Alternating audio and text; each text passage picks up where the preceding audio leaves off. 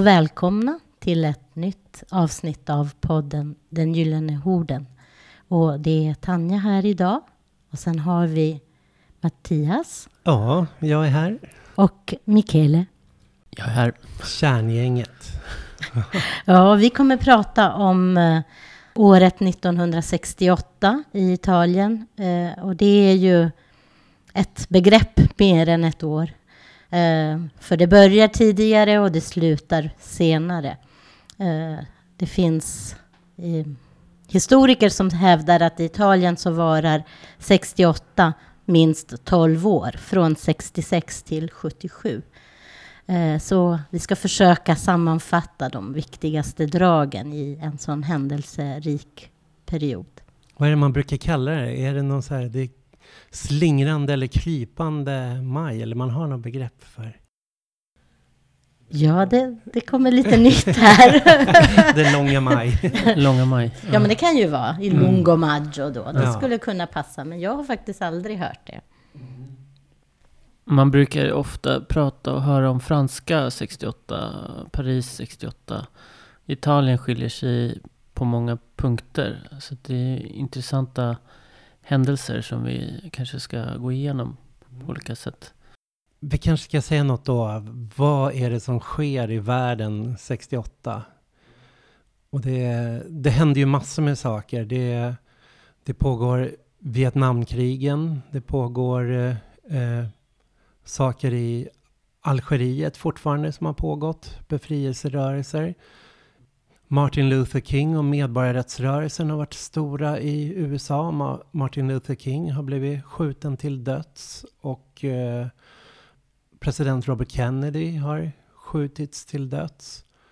Vietnamkriget skapar ju rörelser världen över. Det är ju så mycket som rör sig och som har kontaktpunkter med det som händer runt om i världen. Jag tänker också, man har ju haft eh, studentrörelser i Paris. Berkeley har ju också eh, börjat eh, både som motståndsrörelse mot kriget i Vietnam men också eh, som studentrörelse börjat aktivera sig och så. Det, detta speglas i Italien, men i Italien händer ju annat som vi har sett tidigare. Vi har eh, en stark arbetarrörelse. Vi har ett ett starkt kommunistparti och det är ju en, något som är lite unikt faktiskt i Europa. Det är Europas största kommunistparti. Vi har en katolsk rörelse, eh, gräsrotrörelse, som har eh, i åratal arbetat med undersökningar och försöka förstå böndernas eh, levnadssituation i södra Italien till exempel. Vi har en, en rädsla också i det italienska samhället, i de italienska, ja men inom till exempel också kommunistpartiet, så lever man med rädslan av det som har hänt i Grekland 67. Och det är ju statskuppen. Så det finns mycket, mycket spänning i samhället. Och då har vi i Portugal är det fortfarande diktatur väl? Mm. Spanien mm. är det diktatur. Ja. Grekland diktatur. Ja. ja, Turkiet. Så att mm. Italien ligger ju mm. någonstans som ett väldigt skört land i den här zonen. Så att det är ju inte orealistiskt. Det sker och har skett flera kuppförsök också. Att demokratin ska vara rätt skör. Mm. Och det är inte långt från själva Mussolini-eran heller. Nej, och det är ju också det här att man aldrig tar tag i det förflutna. Eh, och det är ju väldigt tydligt om man tänker på två av de eh, viktiga eh, intellektuella i perioden. Om man tänker både på eh, Don Lorenzo Milani, som vi kommer prata om lite i det här avsnittet, som hela tiden understryker hur, hur det är den här, hur säger man på, på svenska, qualunquismo, vem, vem som, som helst. helst. Ja, vem ja. som helst. Ja, just den här qualunquismo som är grunden till fascismen. Att det är att vara, att inte bry sig. Bryr man sig inte så är man innerst inne en fascist. Tar man inte ansvar och gör politik så är man fascist. Så, och, och samma sak säger Pier Paolo Pasolini. Han är ju väldigt, väldigt engagerad i just den här avslöja hur inget har förändrats under 30, ja, 20 år då sedan fascismens slut. Eh, så den rädslan lever kvar, den är stark och den är motiverad av ett samhälle som fortfarande lever på samma grund. Mm. Man kan tänka också på skolan. Italienska grundskolan är byggd på en fascistisk modell som, är, som förtydligar klassamhällets synpunkt. Hur, det är väldigt tydligt i Italien. Så. Det finns inga, inga möjligheter att blandas, att klasser blandas, förutom de för, fem första åren på grundskolan. Mm. Men på 60-talet så händer det ju en massa saker, inte bara i Italien utan i, i eh, övriga Europa i USA inom universitetsvärlden. Att man börjar modernisera kanske den auktoritära, lite så här katederstyrda form av undervisning som har var, varit. Och man öppnar också upp att det är inte lika inkomstbaserat längre vem som ska få studera. Så att eh, universiteten blir ju mer en massamlingsplats under 60-talet än vad de har varit tidigare. Så det blir ju en krock då. Här kommer inte bara medelklassens barn utan även arbetarklassens barn in på universiteten. Men eh, studieformen är inte anpassad. Resurserna skjuts inte till och det är fortfarande en väldigt auktoritär form. Så det är ju som bäddat för att det ska bli en konfrontation där. Ja, ja, det är, det är ju det som, som sker i Italien och samtidigt är det ju också tydligt att universitetet har förändrat sin roll i samhället. Det är ju en ny... Eh, kapitalet behöver nya former av arbetskraft. Eh, jag brukar ibland tänka att det finns en parallell med det som sker i Sverige på 1600-talet. Att då får man in folk i eh, det offentliga, i administrativa livet och förädlar dem så att de kan ta sig an vissa platser.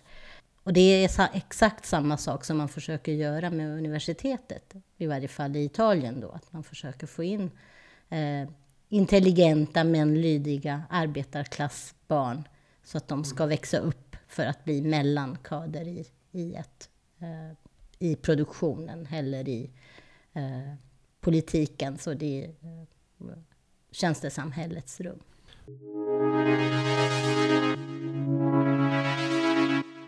Så universiteten växer, det kommer massor med nya studenter. Vilken form tar den här studentrörelsen då? Den nya studentrörelsen i studentpolitiseringen i Italien? Det sker ju på olika sätt i olika sammanhang. Det är olika städer och det är olika bakgrund. Men jag tänker att om vi backar en stund bara och tittar till exempel på det första universitetet som öppnar för studenter som inte kommer från medelklassen, så är det ju sociologifakultetet i Trento. Och ja, jag måste säga att där, här slår mitt hjärta. det är där jag har uh, pluggat och så. Och att den här myten om Trento som ett ställe där revolutionen pågår, det lever ju kvar, eller levde kvar, långt in på 80 och 90-talet. Mm. Det kommer få stora historiska konsekvenser. Ja, exakt, exakt. Men det är ju också det som är tanken när man bildar eh, sociologi i Trent. Att det här, här ska funktionärer till fabriker, till olika myndigheter utbildas. Och vi behöver nytt, nytt blod. Det räcker inte med de som kommer från um, borgarklassen. Den, borgarklassen. Vi behöver nytt blod. Och då blir det så att det kommer ju studenter från hela Italien dit. Mm. Eh, och de kommer med sin bakgrund, med sina historier, som ofta är arbetarklasshistorier. Och Trento ligger i norra... Ja, det är en alpstad. Mm. Så den ligger i, i Alperna, nordöstra, vid gränsen med mm, Österrike. Och det finns ju ett starkt inflytande av eh, det som, tyska Eh, där. Eh, så att då sker ju de här kontakterna, internationella kontakterna med det tyska kritiska universitetet och så i Berlin. Och man börjar diskutera eh, med dem vad det betyder att, att, att vara på universitet som arbetarklassbarn. Och så. Mm. Om vi börjar 68, det året, då är ju fullt med universitet ockuperade i början av året. Och det, det sprider sig en våg av ockupationer. Och den eh, organisation som bildas ur, ur det här, det är ju Movimento Studentesco, studentrörelsen som kommer att helt gå runt de traditionella studentföreningarna, studentfacken. Och utanför även, man kan säga många har väl en bakgrund i eh, kommunistiska partiets ungdomsförbund och socialistiska partiets ungdomsförbund, men det kommer även en hel del andra. Ja, mina föräldrar då, som båda har varit aktiva i Movimento Studentesco, de kom ju från Azione Cattolica, som är de unga katolikernas ungdomsförbund. Och det är ju många, även av de mest kända namnen, om jag tänker på eh, Mario Capanna, men också Marco Boato, själva Renato Curcio, som sen kommer bli ledaren för Röda brigaderna, har en katolsk bakgrund. Mm. Jag, jag, tycker att det är jättespännande just det som sker i, i det här. Att man, att man börjar läsa och tolka världens orättvisor och sen känner igen dem i sin omgivning och börjar tänka på att jag behöver inte missionera i Afrika för att mm. hjälpa de, de, uh, de utstötta, de, de sista på jorden. Jag kan göra det här. Och jag kan göra det genom att bilda motstånd. Eh, det, det tycker jag är, ehm, är, väldigt spännande. Den, den, den delen av Movimento Studentesco som ofta blir också mer radikal. Mm. För den är väldigt etiskt eh, laddad. Mm. Men, men det är ju de organisationer, eller det är den erfarenheten man kommer med då från uh, Fijici som är PCIs ungdomsförbund och andra. Så det, eh, det sker en radikalisering där då av och Movimento Studentesco blir ju en massrörelse. Och det här är ju intressant. Jag, I Steve Wrights bok Storming Heaven, han diskuterar det att det här är den första italienska massrörelsen som inte är, kontro inte är kontrollerad av ett parti.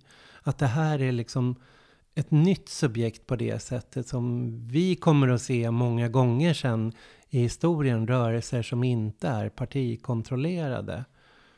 Ja, eh, Pier Paolo Pasolini än en gång säger att eh, Movimento Studentesco och eh, motståndsrörelsen under fascismen, det är de enda två stora massrörelserna Italien har eh, känt. Mm. Eh, skriver han 68. Eh, eh, och det är ju, nej, han, 74 tror jag. Men eh, det är jättespännande tycker jag, just att man känner igen den här stora styrkan och att man ser att det här handlar om mycket mer än en liten grupp eh, borgarsöner som, som bestämmer sig att leka revolution. Mm. Mm. Men, men, det har ju skett, vi, vi, har både sagt att universiteten öppnar upp för arbetarklassen, men det har ju också skett en, en stor man skulle kunna säga så här, 66 kommer det ut en bok som studenter över hela landet och hela, ja, men hela landet kommer att diskutera. Eh, och det är en bok som heter Brev till en lärarinna och som diskuterar hur skolreformen som har skett 63 och som har gjort att eh, högre studier blir tillgängliga för fler egentligen inte eh, kan skapa förändring så länge man inte förstår eh, att... Um, så länge man inte bryter eh, monopolet eh, kring språket som överklassen har. Så länge det är överklassens språk som kommer att vara det viktiga inom skolan, så länge erfarenhet eh, och arbetarklassens kultur inte kommer in i skolan så kommer det inte ske någon förändring. Och det brevet kommer diskuteras i alla sammanhang. Det kommer diskuteras på dagstidningar, det kommer diskuteras i TV och språket kommer bli en central fråga. Och språket då blir inte bara de ord man använder, men även just det här rätten till ordet och till mm. eh, att uttrycka sig och uttrycka sina behov. Och de flesta studenterna som kommer till universitetet kring åren 67, 68 har läst det här och gjort det sitt på ett helt nytt sätt. Så man har en medvetenhet, en klassmedvetenhet som kommer lite på bakfoten. De har inte kommit till fabriken, de har inte erfarenhet av det, men de har erfarenhet av livet som söner till arbetarklassen. Och så har de fått en medvetenhet av det som skolan har berövat dem. Mm. Och jag tycker också att det är något som är eh, väldigt tydligt eh, som gör att många av de som kommer till universitetet känner att de har ett revolutionärt kall i att bli lärare och att gå och undervisa och återge ordet till de som har berövats det. Så jag tror att det här katolska genomsyrar ja, väldigt mycket. teologi ja, genomsyrar väldigt mycket Movimento Studentesco. Den, eh, vad kan man säga, förlag, bokhandelskedja som är stor då, det är ju Feltrinelli som fortfarande är stora i Italien. Det är lite som att se Akademibokhandeln här, fast om Akademibokhandeln vore mer vänster, vänsterprofilerad. Och de tar ju och trycker upp alla dokument också från de här studentockupationerna och hjälper till att cirkulera dem som, som billiga häften. Så det finns ett livligt utbyte då mellan universiteten. Så vad har vi lite för olika... Vid Trento har vi... Ja, de skapar det här negativa universitetet där de säger vi ska bara... Eller, vi vill inte, det här universitetet tjänar inte vår kamp, så vi måste själva sätta upp mål, vi måste själva hitta eh, material och eh, bygga kurser som vi kan eh, där vi kan ta, oss till, ta till oss det vi behöver på riktigt. Och det är en, en sak som sker också i till exempel PISA, som är jätteviktig. Mm. Men det sker också i Torino och också i Rom. Det här att man bygger alternativa kurser med alternativt, alternativ litteratur. Och där är det något som är rätt så spännande att se. Det är ju också just det här antiauktoritära som samtidigt betyder att till exempel många unga assistenter inom, eh, som, har, som jobbar som lärare tar en helt ny plats och får en helt ny roll och kan hjälpa studenterna i den här rörelsen. För man glömmer ofta att det inte bara är studenter mm. som, som är aktiva. De här ockupationerna av universiteten, de blir ju attackerade av polisen. Men det kommer ju också till en stor kravall mellan student rörelsen Movimento Studentesco och polisen i Rom. Ja. Men det är ju inte bara polisen. Det är ju Nej. också fascisterna ofta. Man, man glömmer ofta att en av de första um, kravallerna, Villa Sapienza, det är ju mellan fascister, studenter som är fascister och bundna till FOAN och, um, och ungdomar från uh, olika vänsterorganisationer. Och det blir ju en, en kille död där, Paolo Rossi, 66. Han, ja, man vet inte vad som händer, det blir aldrig utrett. Men det, det, är under kravallerna. Men sen är det ju polisen och du syftar på Valle Giulia mm. i Rom då. Uh, och, och där är, det är ju kanske den mest disku, diskuterade av alla kravallerna och, som, som sker uh, för olika ja, men olika motiv. Både för att det är första gången som studenterna står upp mot polisen och vägrar att skingra sig och fortsätter eh, i timmar att, att stå upp mot polisen. Men också för att Pier Paolo Pasolini än en gång skriver ett väldigt omdiskuterat, eh, en väldigt omdiskuterad dikt som, eh, som man ofta bara citerar början av. Mm. Där man, han säger att han, han höll på polisen i det fallet, för de är de riktiga proletärerna. Eh, men tar man sig mödan att läsa hela dikten så märker man att det är mycket mer han säger. Att han inte står på polisernas sida, men att han ser att det är de som är proletärer. Och att därför måste Movimento Studentesco göra ytterligare ett steg och inte ockupera universitet där de ändå kan få beröm av sina fädrar och tidningarna. Men att det som är modigt vore att ockupera fabrikerna med arbetarna. Och det här är det då spännande som skiljer kanske studentrörelsen i Italien från de andra studentrörelserna, även om ambitionen kanske finns även i franska och svenska och amerikanska rörelserna. Men att studenterna går just ut och försöker möta arbetarna. Och det här sker ju genom så upprättandet av student och arbetarkommittéer.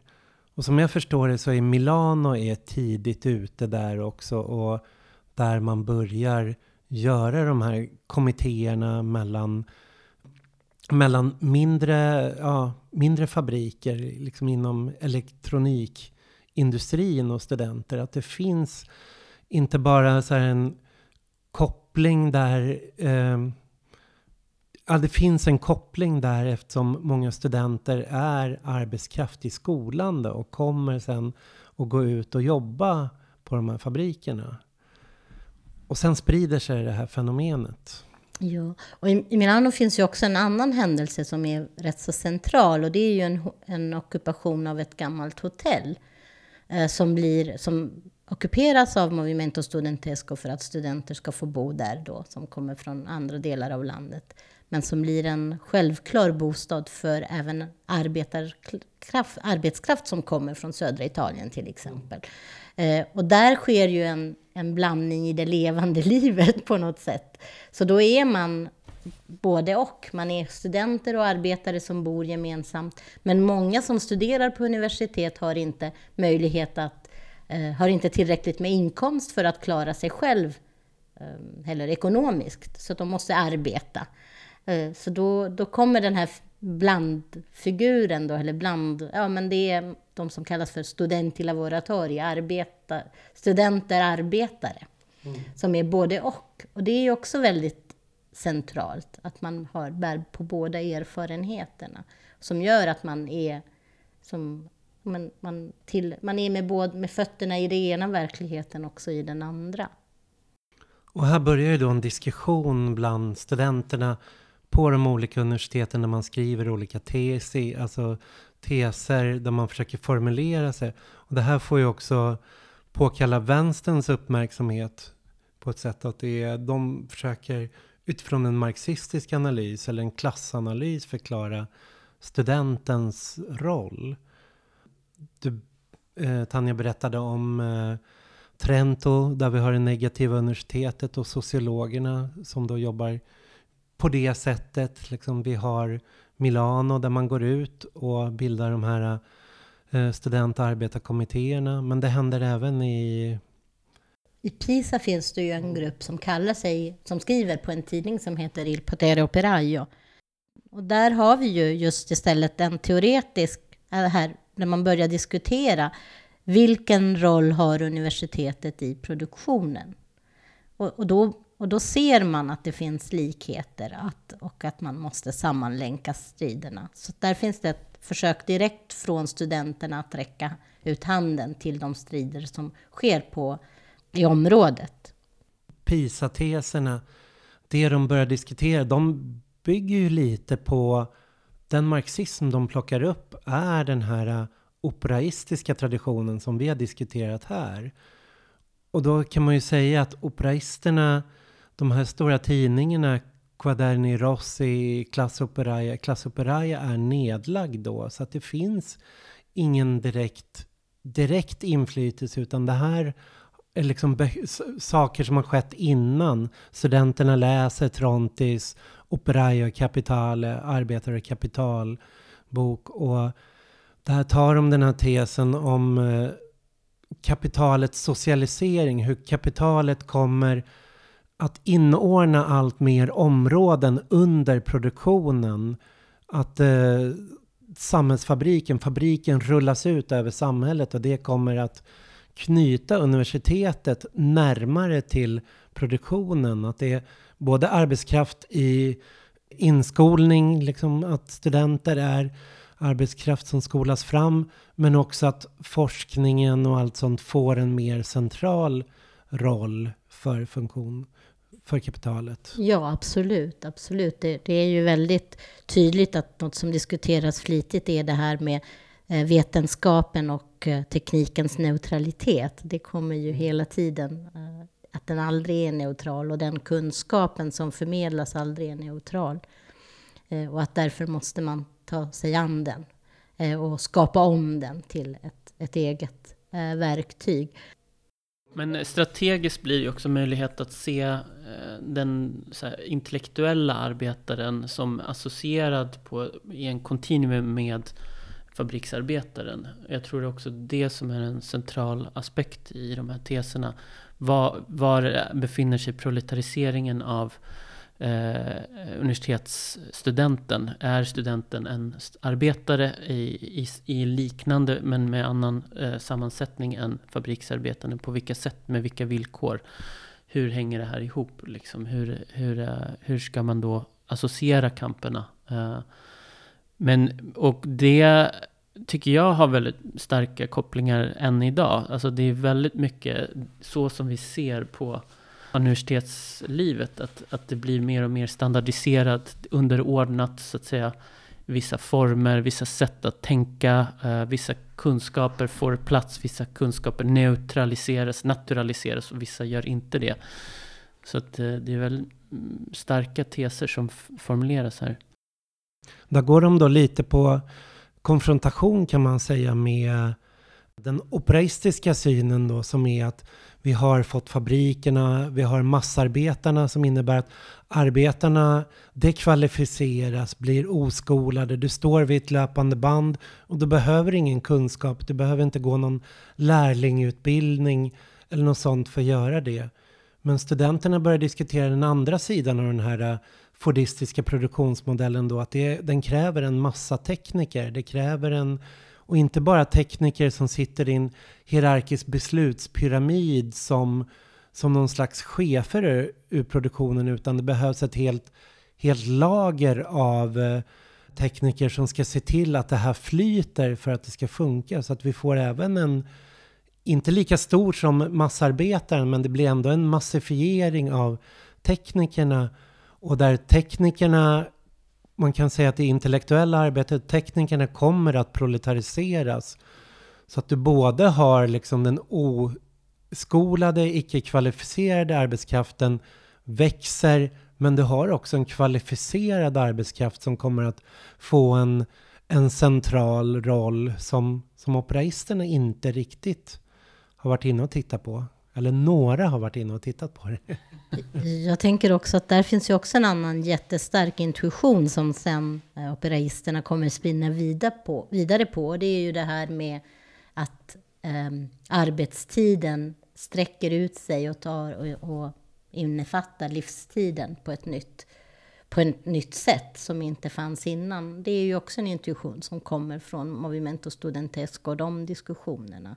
Vad händer när eh, man måste utbilda sig? Vad händer när produktionen, eller när eh, universitetet är ett centrum för eh, den kapitalistiska produktionen? Då helt plötsligt blir även det vi läser, det vi hör, det vi lyssnar och diskuterar centralt i produktionen. Och då har kapitalet tagit över tid från vår eget liv till, sin, till sitt behov. Man kan ju verkligen känna, känna det. Alltså att du går och jobbar och sen kommer du hem och så ska du plugga till tentor. Och allt du läser och ägnar dig åt är hela tiden på något sätt inordnat. Eh, för att sen bli kvalificerad, för att sen gå in i arbetet och bli en person som fortsätter. Men med en annan form av eh, exploatering. Mm.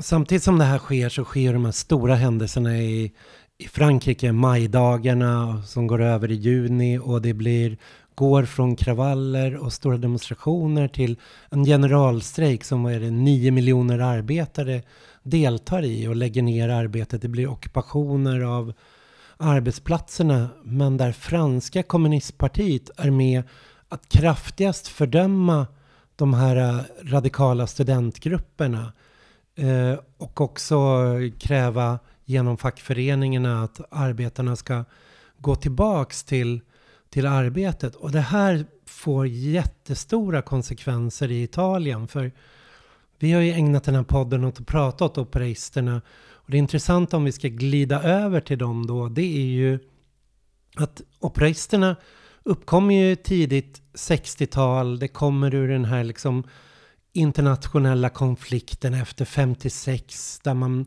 frigör sig från Sovjetunionen och börjar utstaka någon egen väg och så följer man de arbetarkamper, massarbetarkamper, vilda arbetarkamper som växer fram under 60-talet. Men man håller hela tiden ändå en förhoppning till att PCI, eh, att kommunistpartiet någonstans ska återbaseras, återknytas till de här kamperna. Och man är väldigt rädd att utveckla det här i en självständig organisering eller isoleras från fack och partier. Och det går så långt att det, det sker liksom en brytning i den operistiska tidningen då, eh, Classe Operaia, där en krets kring Mario Tronti återvänder till kommunistpartiet, eller de har varit med i kommunistpartiet, men där flyttar de in hela sin energi in i kommunistpartiet och börjar verka där. Medan Antonio Negri, Sergio Bologna och liksom en krets Alquati, den kretsen, de går snarare åt andra hållet. Och för dem blir ju då det här händelsen i, i Paris 68, det blir liksom så här i deras diskussion är, hade italienska kommunistpartiet reagerat på ett annat sätt? Nej, det hade de inte. De hade använt fack allting för att krossa en liknande massstrejk, generalstrejk där. Så att det får dem att våga ta det här steget, liksom att deras första tidiga texter om den här studentrörelsen, det är studenterna kan inte stå själva, de måste knyta an till fackföreningsrörelsen. För att sen i början så skiter de helt i studentrörelsen. De, inte, de fattar inte att det kommer, de förstår inte, de tittar på fabrikerna och det här är liksom, det sker saker i universiteten, det är ointressant. Men sen när det bildas de här student och arbetarkommittéerna, då vaknar de här operisterna kring Negris intresse. Och då har de en organisation som heter eh, Potero Operaio Veneto, nej vad är det? Potero Operaio Emilia, Emilia Veneto. Veneto. Emilia Veneto. I de regionerna, Veneto-regionerna och eh, Emilia-Romagna. Eh, och det är något helt annat än de i Pisa som kallar sin tidning Il Potero Operaio, arbetarmakten, medan de heter arbetarmakt i den här regionen då. Eh, och de är väldigt starka i petrokemifabrikerna i eh, Porto Marghera, eh, nära Venedig, nära Padua där Negri då har sin institution som han då börjar bygga upp som ett operaistiskt marxistiskt centrum. Så studenterna där deltar aktivt i de här petrokemifabrikerna som också har väldigt många tekniker och skolade arbetare. Inte bara massarbetare så det bildas arbetarkommittéer där. Så härifrån i eh, Veneto-regionen i Porto Marghera och Padua, där händer ju mycket intressanta saker just då. Som kommer att förändra studentrörelsen. Absolut, absolut. Eh, men jag tänker också att där är det ju också Movimento Studentesco som rör på sig hela tiden och försöker söka de här kopplingarna också. Eh, och eh, som har en förmåga att att välja bort den ideologiska diskussionen i början för att diskutera istället mål. Eh, som gör att så många olika själar kan knytas samman i en enad rörelse. Och där går jag tillbaka än en gång till ja, men lite det som mina föräldrar har erfarit. Att, men hemma hos oss var det självklart att anarkister och kommunister och socialister tillhör den samma stora breda familj. Och det är ju arvet från Movimento Studentesco, som sen kommer att splittra sig väldigt mycket kring ideologiska frågor, men som just 68 och också 69 fortfarande har en stark samhörighetskänsla, att vi hör samman eh, den här antiauktoritära andan som kommer med eh, anarkisterna, men också det här att vi måste förändra samhället i en kommunistisk riktning och ändra på produktionen och bygga kopplingar till eh, arbetarklassen på ett eh, mer organiskt sätt. Eh, allt det där finns hela tiden. Så att ja, absolut, det som sker i Veneto är viktigt. Men jag tror att det nästan är mer viktigt för framtida historier. Eller för det som kommer ske under 70-talet än hur viktigt det är för just det som hände 68. Där jag tror att det är andra komponenter som är eh, som, som bygger den här relationen. Och då tänker jag till exempel också på det som sker i Torino. Och på de grupper som sen, eller de som kommer att både bilda sen Potere Operaio, eller flyta samman med Potere Operaio, eh, Emilia Veneto, men också de som kommer bilda Lotta Continua sen. Eh, och då tänker jag Guido Viale, men också Adriano Sofri och så vidare. Så, så, som, som ser den här eller Guido Viale säger det väldigt tydligt. Här i Torino så lever vi hur universitetet som eh, en del av produktionen. Vi ser det varje dag. Så det är självklart att vi läser och tolkar universitetet som eh, en del, eller studenterna som en del av arbetarklassen. Och, och jag tror att för just 68-rörelsen så är den medvetenheten viktigare nästan än vad som sker i, i Veneto-området. Mm. Men Movimento Studentesco, de söker ju kontakt med Tronti under de här åren. Att de, eh, studentledarna i Rom då, eh, Piperno och Scalzone, de åker och träffar honom och han är helt kall, liksom har, tycker det här är ointressant. Medan i, i Padua på Negris institution, där har de i, i juni 68 tror jag en stor konferens om studenter, arbetare och där man kan säga grunden lite till ett så här, fabriksinterventionistiskt nätverk på ett sätt läggs. Och där har de då hela erfarenheten från att verka i Porto Marghera i, Marghera i, i ryggen.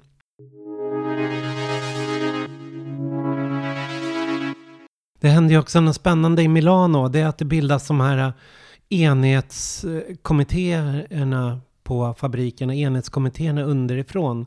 Comitati Unitari di Base, COB.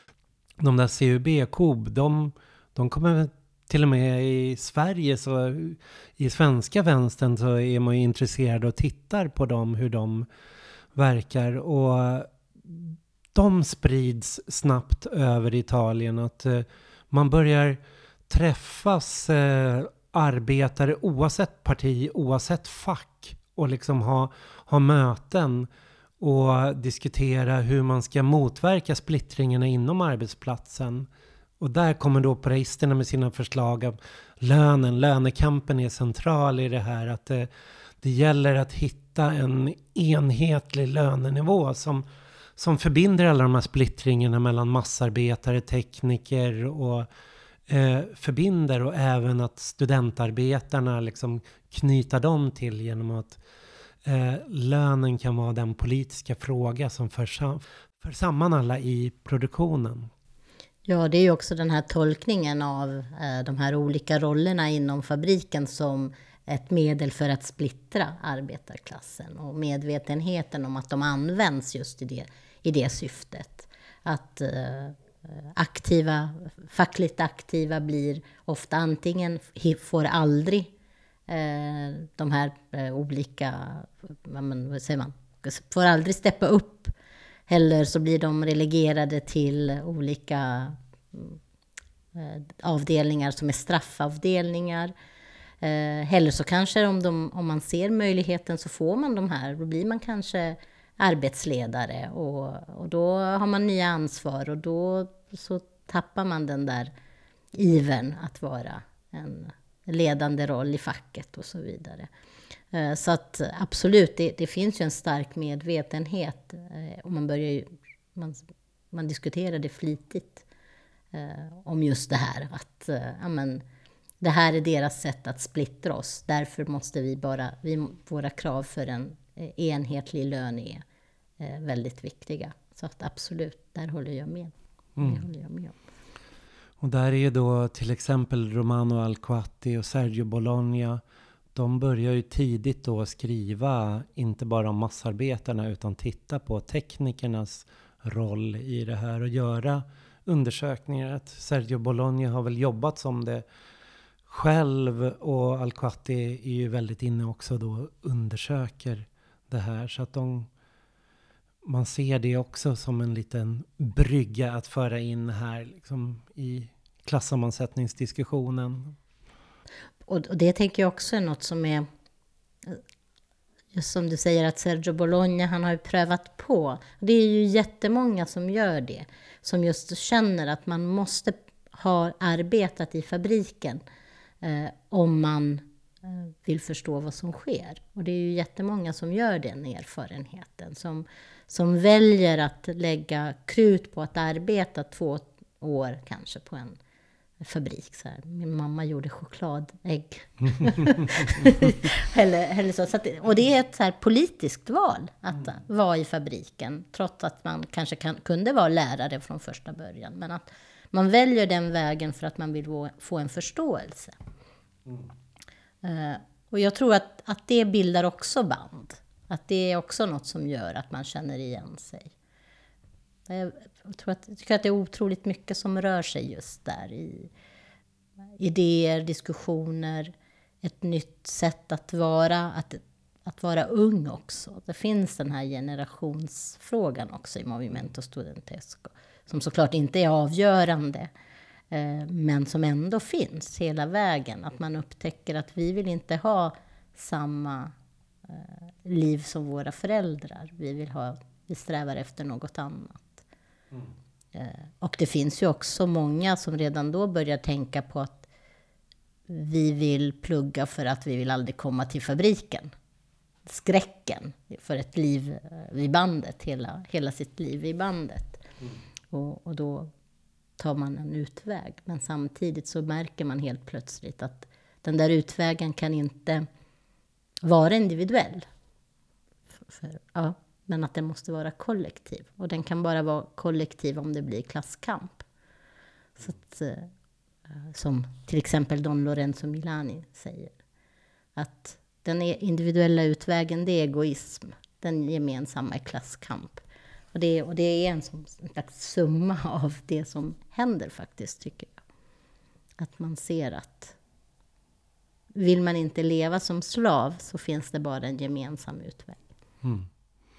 Så det sker ju mycket musiken, kulturen, den frihetliga andan där. Men om man tittar på och jämför med studentrörelsen i andra länder så kommer ju också mycket influenser är ju då via antiimperialistiska kamper. Det som sker i Algeriet, det som sker på Kuba och framförallt det som sker i Kina. Och där är också kulturrevolutionen. Så att man hittar en annan väg där än öst, Sovjet, eh, kommunismen, socialismen och inspireras av. Och i till exempel Sverige blev ju maoismen dominerande och i Frankrike och andra länder. Men då i Italien så, de här strömningarna fanns. Men eh, antiimperialisterna och maoisterna. Men en stor eh, annan strömning som vi inte hade här är ju då den här operaistiska inflytandet. Att det är student och arbetarkommittéerna och liksom fabriksorienteringen på, på ett annat sätt. Och det som operaisterna tycker är intressant också är ju att Movimento Studentesco har ju byggt upp en organisation. De har byggt upp en autonom organisation fristående från studentfacken och partierna. Och när de tittar på så Paris 68 så säger de ju misstaget Paris 68 liksom med Ja, ni fick nio miljoner människor att strejka men ni lyckades inte bygga en revolutionär organisation ur det här.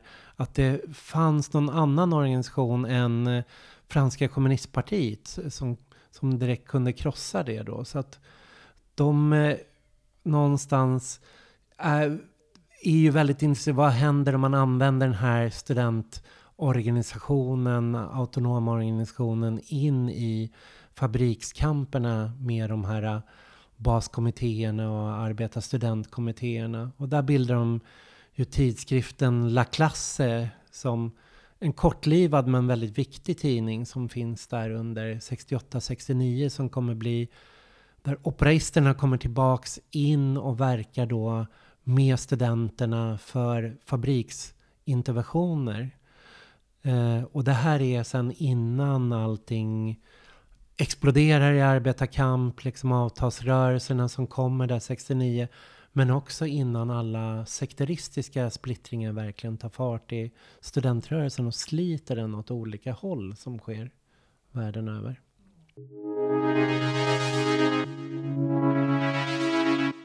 Vad är det vi får ur studentrörelsen? Åh oh, gud.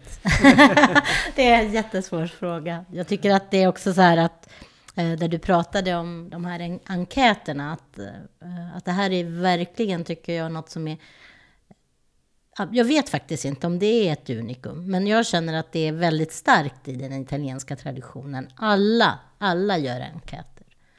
Från statlig tv som diskuterar alfabetisering mellan bönderna som går ut och frågar hur det är, om, de, om folk kan läsa, till eh, musiker som samlar på, eh, på folksånger.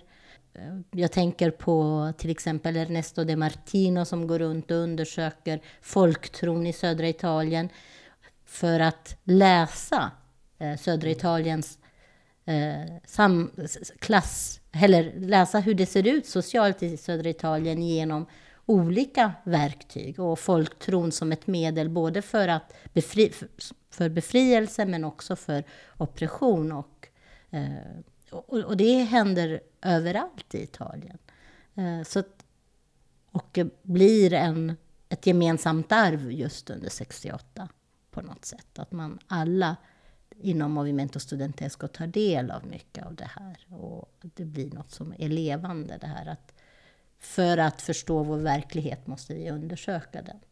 Eh, det är så till exempel Don Lorenzo Milani arbetar med Lettera una professoressa. De tar eh, de, de arbetar med, eller han skriver den med sina studenter och de går igenom eh, olika eh, enkäter och Statens statistiska byrås material för att se hur mycket skolan har förändrats, om den har förändrats. Eh, men vi har ju också pratat, första avsnittet så pratade vi om Danilo Dolci som arbetade med bönderna på Sicilien. Allt det här är ett, något som kommer in i 68-rörelsen. Och som kanske är en av, ett viktigt arv också av det. Mm. det. Det här att känna sin verklighet, undersöka den och bygga kategorierna utifrån verkligheten och inte kanske tvärtom. Och det kommer även i den maoistiska traditionen där från Mao då att den, den som inte har undersökt skulle inte heller tala, liksom, ja. be, betonandet ja. på det. Så. Vad kan vi ta med oss mer, Mikael? eh, ja, jag tror... Eh, alltså en aspekt som också är viktig, tänker jag, är det här generationsskiftet. Eh, och hur viktigt det är att inte koppla det till till den berättelse som vi ofta får genom populära media idag. Alltså att det handlar om en slags individuell förverkligande.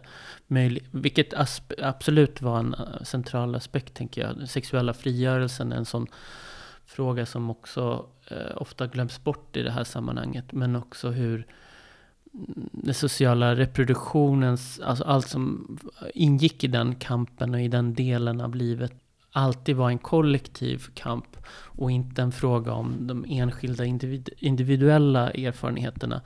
Idag när vi pratar 68 så dels är det väldigt frankofilt eller amerikocentriskt eh, eh, men inte så, och inte så mycket en fråga om hur, hur organiseringen såg ut. Och där tänker jag Italien ger en annan eh, karaktär till 68 och den perioden. Framförallt i, i hur eh, hur, hur det här förverkligandet av ett jag, av ett annat jag, av en annan subjektivitet hela tiden skedde genom sam samhörighet och genom kollektiva formeringar. Eh, att mötas eller att eh, gå ihop och väldigt egentligen tråkiga saker som att sitta ner och försöka tolka Marx tillsammans i, i eller att uh, förstå samtiden eller att gå igenom enkäter så att säga. Just för att Eh, det intellektuella är absolut en materiell aspekt, har en materiell aspekt som måste kollektiviseras, måste göras till klasskamp och inte lämnas till fabriksägarna eller till de arbetare som har anammat fabrikägarnas eh, logik. Liksom. Ja. Jag tänkte lite när vi skulle göra avsnittet och tänkte jag, men 68, kan vi inte hoppa över det? 69, allt spännande som sker och Italien 68, det är väl ändå Frankrike som är det spännande om man ska ta och prata 68 liksom. Men eh, det är ju när man väl börjar titta och läsa och liksom gå igenom det igen så det är ju väldigt spännande just för att det är en sån brytningstid där och att det det blir så tydligt att vi, vi får studentrörelser som är utanför vänstern och hur svårt vänstern har att relatera till att det kommer andra subjekt. Liksom. Att första man bemöter med är att det är borgerligt, det är liberalt, det här är, det är medelklass. Och istället för att kunna diskutera, och från studenterna så tvingar det där då fram en diskussion så här, ja men om vi försöker förstå vår roll utifrån kapitalet och radikalisera dem så att de blir mer innovativa än vad vänstern är som påstår sig företräda arbetarklassens intressen. Att förnyelsen någonstans kommer då via studenterna. Och jag tycker det är en så intressant parallell till de rörelser som har varit nu, att vi kan ta de här eh, kvinnorörelserna som har varit de senaste åren med kvinnostrejkerna och liksom mot våld mot kvinnor inom reproduktionen.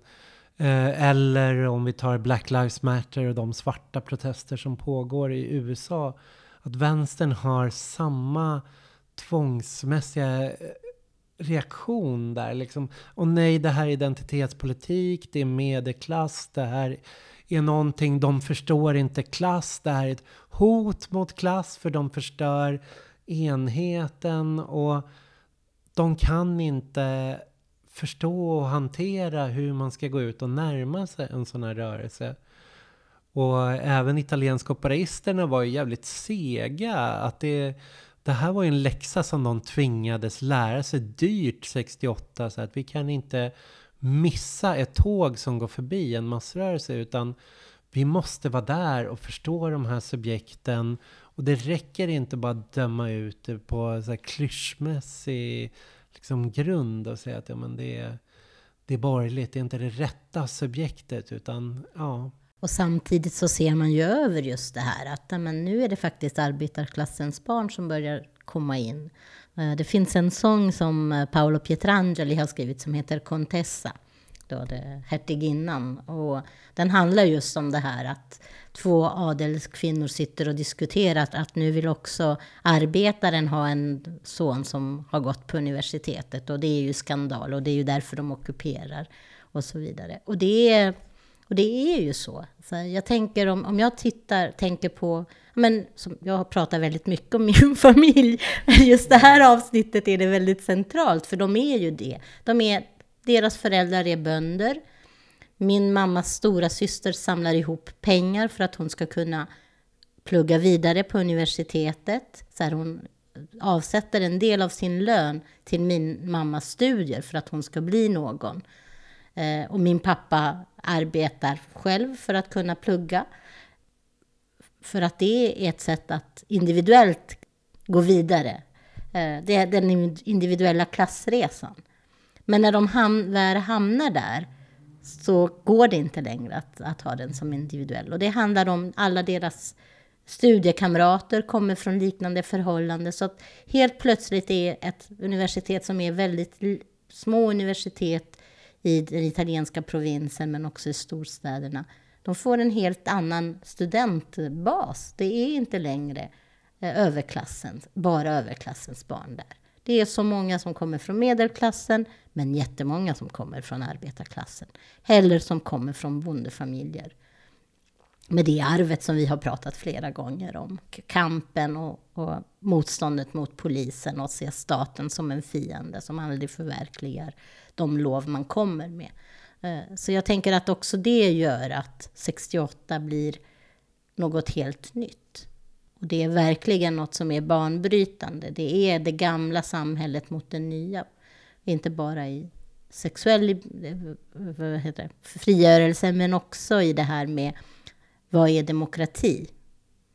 Hur mycket kan vi, hur mycket, eller vilk, kan det finnas tydliga gränser på demokratiseringen i ett samhälle? Är det en demokrati om jag måste ställa mig upp varje gång min lärare kommer in? Eller om jag måste buga för rektorn? Det är där diskussionerna går. Och också det här att det är inte bara eh, de här stora diskussionforumen som är demokratiska. Vi måste kunna bryta ner och bli operativa och hitta demokratiska sätt för att vara det.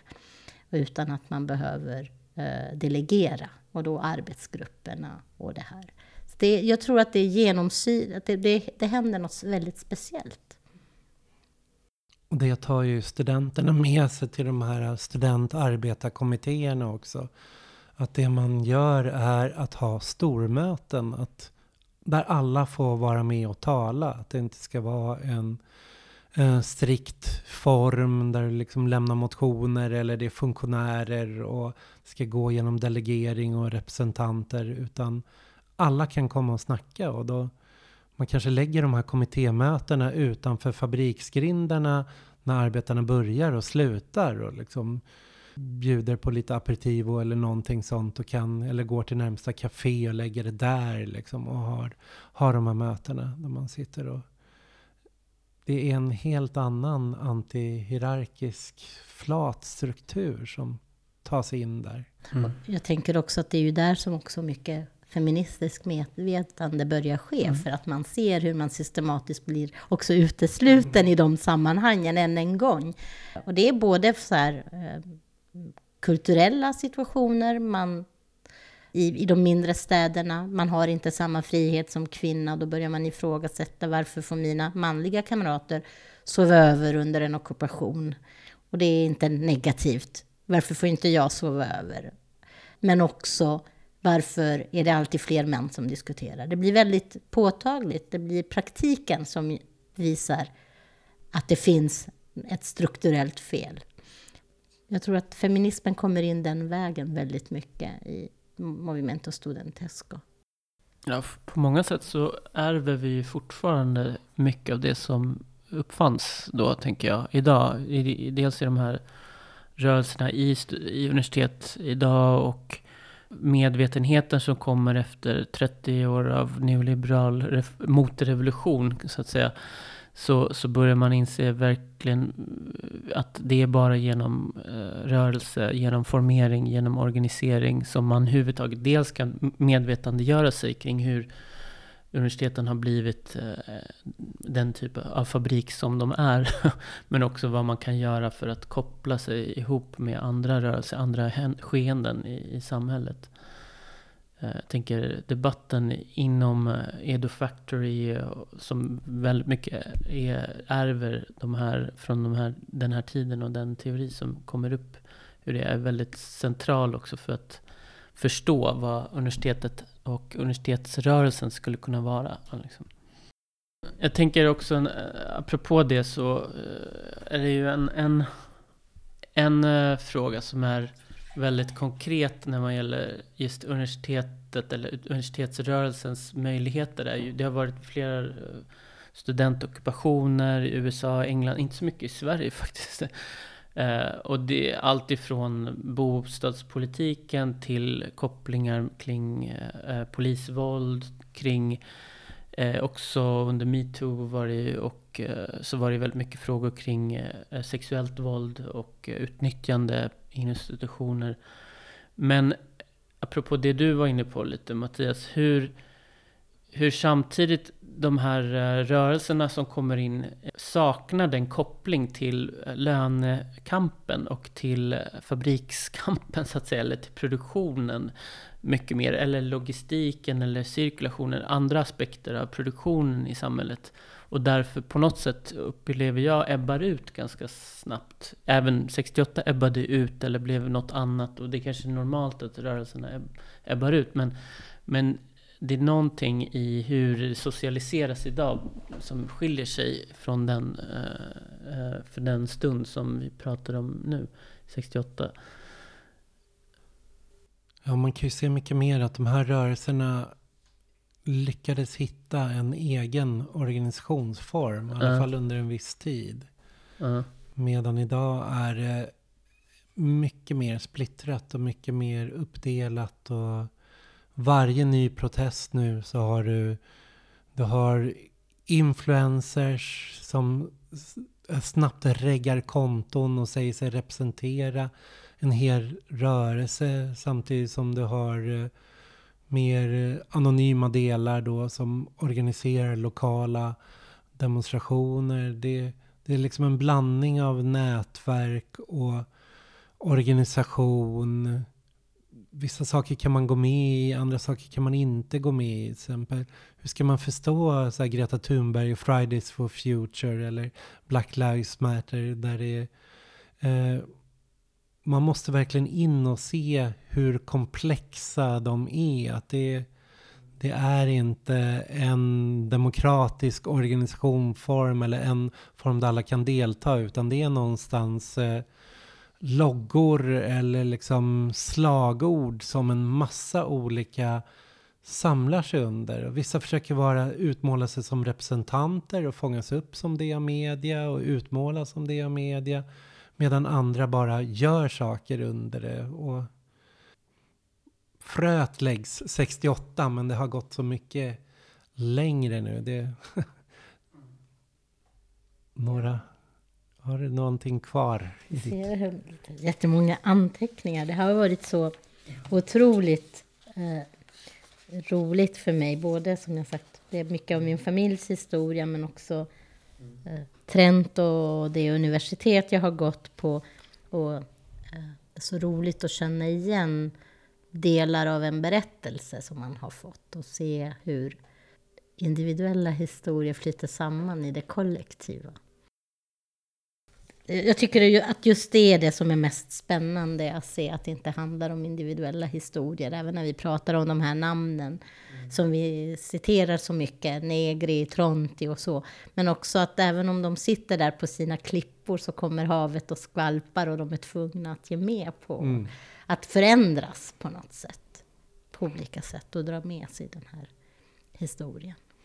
Och de städer vi har nämnt, de kommer ju återkomma. Liksom att Trento lägger grunden för en strömning, Padua lägger grunden för en annan strömning, Milano för en tredje, Torino för en fjärde, Pisa för en femte och Rom för en sjätte kan vi säga som, som viktiga tendenser inom, eh, inom eh, det som kommer under 70-talet. Ja, och det kommer vara en ännu spänn mer spännande historia med mycket kaos under himlen.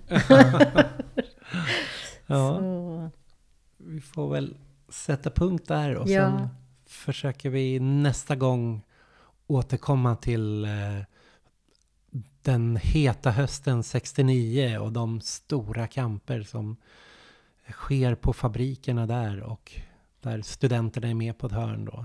ja. Eller är studenter som arbetar på fabrik. Så vi, kom, vi får se vad som händer. Mm. Hej då! Hej då! Hej då.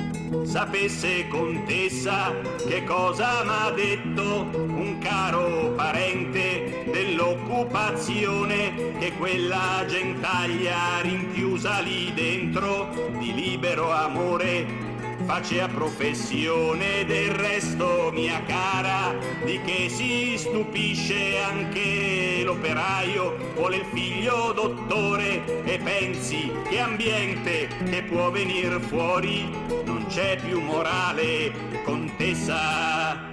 Se il vento fischiava ora fischia più forte le idee di